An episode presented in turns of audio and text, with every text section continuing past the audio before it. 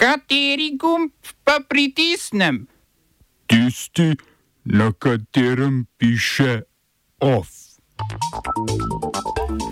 Hišna preiskava na domu ljubljanskega župana Zorana Jankoviča zaradi suma korupcije. Vlada v minimalno uskladitev minimalne plače. Lordska zbornica proti zakonu o deportaciji beguncev iz Združenega kraljestva v Ruando. Sorodniki Hamasovih talcev udrli v izraelski parlament.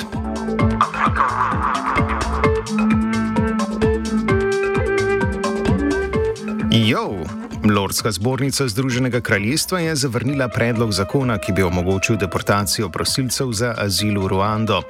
Vrhovno sodišče je novembra lani odločilo, da je načrt vlade za deportacijo beguncev v Ruando, ki bi obravnavali njihove azilne prošnje, nezakonit. Krši namreč načelo nevračanja. Vrhovni sodniki so odločili, da obstajajo tehtni razlogi za domnevo, da bi lahko ruandska vlada deportirane ljudi poslala na področja, kjer bi bili izpostavljeni nevarnosti. Britanska vlada po ugotovitvah sodišča ni preverila, ali je Ruanda za begunce varna tretja država. Konzervativna vlada Rišija Sunaka z novim zakonom tako poskuša definirati Ruando kot varno državo in prisiliti vrhovno sodišče, da jo tako obravnava. Prejšnji teden so zakon potrdili v spodnjem domu parlamenta, člani Lordske zbornice pa od vlade zahtevajo dokaze, da je Ruanda varna država dejansko in ne samo na papirju.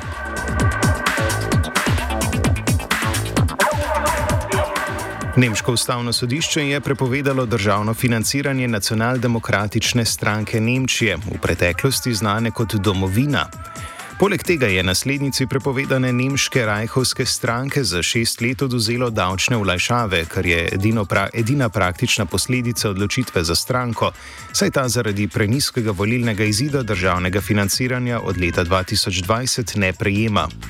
Nemški parlament in vlada sta pobudo za ukinitev financiranja stranke vložila leta 2019, dve leti potem, ko je propadla pobuda za prepoved stranke.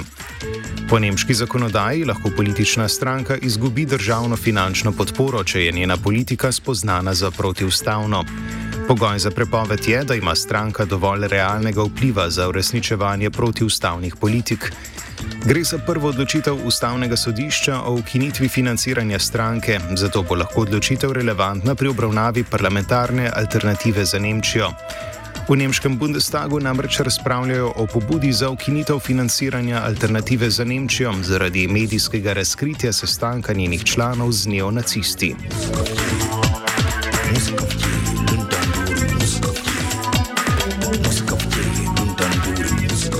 Venezuelska policija je aretirala 32 ljudi, ki jih obtožujejo priprave atentata na predsednika Nikolasa Madura. Po besedah državnega tožilca Tareka Viljama Saba so aretirani načrt že priznali. Tožilec je zatrdil, da so osumljenci napad pripravljali ob podpori ameriške obveščevalne agencije CIA in napovedal, da sledi še več aretacij. Oblasti so objavile videoposnetek, ki po njihovih trditvah dokazuje upletenost desničarske opozicijske kandidatke na prihajajočih volitvah Marije Korine Mačado v zaroto proti predsedniku Maduru.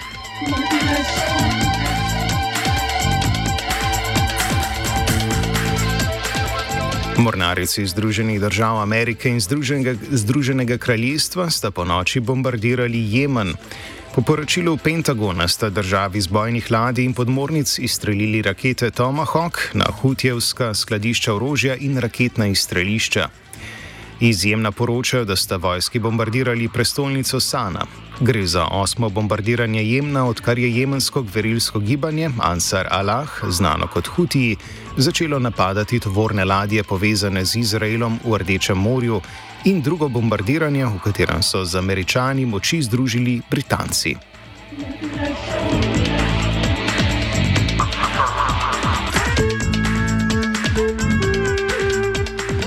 Okrog 20 sorodnikov izraelskih talcev, ki so jih 7. oktober zajeli borci palestinskega Hamasa, je udrlo na sejo odbora izraelskega kneseta. Sorodniki talcev in drugi protestniki so se v nedeljo zvečer utaborili pred parlamentom in rezidenco premijeja Benjamina Netanjahuja v zahodnem Jeruzalemu. Premijer je v nedeljo zavrnil predlog za premirje, v katerem je Hamas v zameno za umik izraelskih enot iz Gaze ponudil izpustitev preostalih 130 talcev. Sorodniki talcev zahtevajo sprejetje dogovora. Izrael zdaj v zameno za izpustitev vseh talcev predlaga zgolj dvomesečno prekinitev ognja. Izraelska vojska je medtem zabeležila najviše dnevno število izgub od začetka genocidne invazije v Gazi. Po navedbah vojske so v zadnjih 24 urah izgubili 24 vojakov, od tega 21 v enem raketnem napadu Hamasa. Medtem ko so izraelski vojaki v dveh stavbah montirali eksploziv za njuno zrušitev, jih je zadela raketa. Izraelska vojska je v 24 urah ubila 195 palestincev in dokončala obkolitev mesta Han Yunis. S tanki in droni je obstreljevala bolnišnici Al-Amal in Al-Hair. Po poročanju Al Jazeera so vojaki vdirali tudi v stanovanske stavbe v mestu. Število smrtnih žrtev na palestinski strani med civilisti je preseglo 25 tisoč, več kot 60 tisoč pa je ranjenih.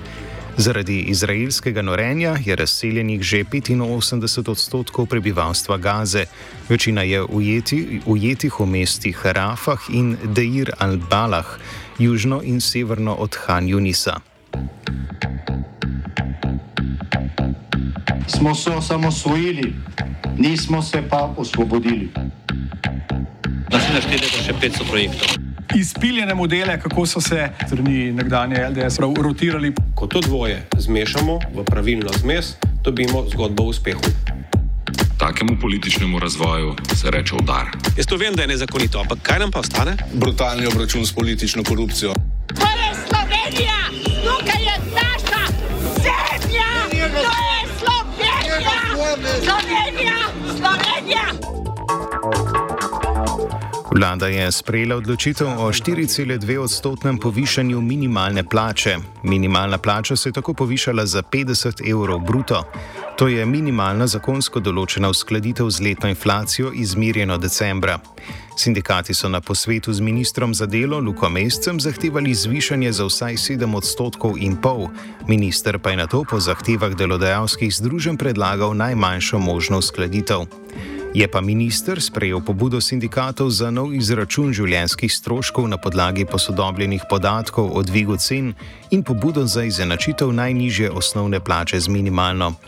Zakaj so zahtevali više uskladitev od najmanjše možne, pojasni predsednica Zveze svobodnih sindikatov Lidija Jerkič. Zakon o minimalni plači predvideva več elementov za možno usklajevanje. Eden od teh je eh, inflacija v lanskem letu, to je teh 4,2 Potem so pa elementi, ki pa niso obvezujoči in sicer uh, stanje na trgu dela. Imamo odlično stanje v tem trenutku na trgu dela, manjka veliko število uh, ljudi. Uh, rast produktivnosti, ki je bila v lanskem letu pozitivna, rast drugih plač, lansko leto je bila 10-procentna, realno skoraj 2. Uh, rast dobičkov, tudi to se je dogajalo. In uh, naš predlog je temeljil ravno na upoštevanju še ostalih elementov. Zakon je spodno mejo sicer zaščitil, zaradi tega, ker um, je inflacija tista, ki jo je nujno upoštevati za ohranjanje približno realne kupne moči. Uh, vsega ostalega pa žal uh, letos uh, vlada oziroma minister pri določitvi nista vzela v obzir. Jaz mislim, da je bila zamojena priložnost, ko bi v dobrih pogojih in dobrih letih lahko minimalno plačo dvignili več kot samo za minimalni znesek. Vlada je za novega podpredsednika vlade imenovala ministra za finance Klemna Boštjančiča. Podpredsedniško mesto, rezervirano za gibanje Svoboda, je bilo prazno od odstopa zdravstvenega ministra Daniela Bešiča Loredana. Kriminalisti so na več koncih države upravili hišne preiskave zaradi sumov gospodarskega kriminala in korupcije. Med drugim so preiskali dom ljubljanskega župana Zorana Jankoviča in prostore mestne občine Ljubljana, kot so potrdili na občini. Preiskave so potekale tudi v prostorih javnih podjetij Energetika Ljubljana in Voka Snaga. Po informacijah portala Necenzurirano, kriminalisti preiskujejo še sedež nogometnega kluba Olimpija. Z policijske uprave Ljubljana so sporočili, da preiskave potekajo na območju policijskih uprav Ljubljana, Kran, Celje in Nova Gorica. Začasnik dnevnik je Jankovičev odvetnik Janez Koščak potrdil, da policija Jankoviču očita napeljevanje k zlorabi položaja pri podpisu dveh sponzorskih pogodb z nogometnim klubom. Sponzorska sredstva sta podjetji Voka Snaga in Energetika Ljubljana klubu nakazali aprila lani in sicer vsako dobrih 300 tisoč evrov. Po besedah Jankovičevega odvetnika policija pri drugih osumljencih preizkuje domnevna podkopovanja državnih uradnikov za pospešitev izdaje gradbenih dovoljenj za kanalizacijski kanal C0.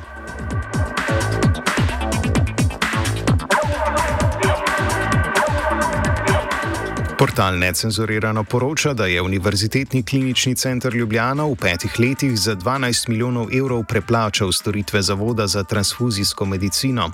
To je za UKC ugotovila zunanja revizijska družba Ernst Young. Rezultat revizije je razlog, da zdaj UKC pogodbe z javnim zavodom iz leta 2009 ne želi podaljšati.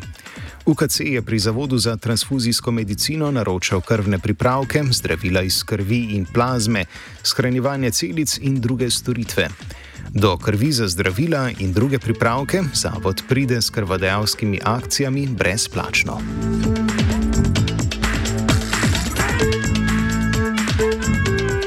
Na Trgu Republike v Ljubljani se je okoli 300 ljudi zbralo na zborovanju v podporo Palestini. Udeleženci so prižgali sveče za palestince, ki jih je izraelska vojska ubila ali ranila med invazijo v Gazi ali pa so pogrešani. Sveče so položili na simbolične grobove izdelane iz snega in pod zastave držav članic Evropske unije nasproti parlamenta.